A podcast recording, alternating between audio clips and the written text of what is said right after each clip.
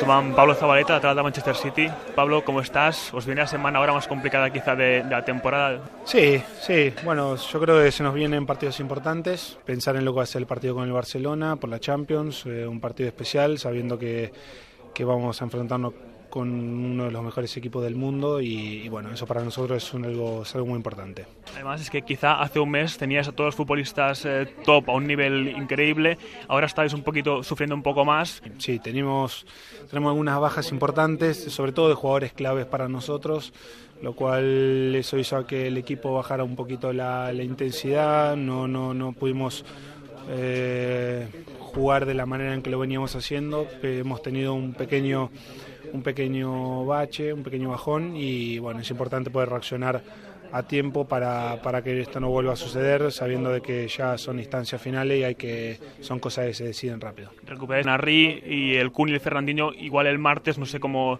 que estáis con ellos si van a poder llegar, lo tienen muy justito para no, llegar. Bueno, eso el Kun y Fernandinho están haciendo trabajando con, con los fisios, con el preparador físico, ellos sabrán cómo viene la evolución y veremos a ver si estarán o no para estos partidos. ¿Cómo ves el partido contra el Barça? ¿Cómo lo ofreces de, de moral? Igual no es el Barça de hace, hace tiempo. Eh, bueno, pero más allá de que no puedan jugar con la intensidad que lo han hecho en años anteriores, donde alcanzaron casi la perfección, siguen teniendo un gran equipo, un, grandes individualidades.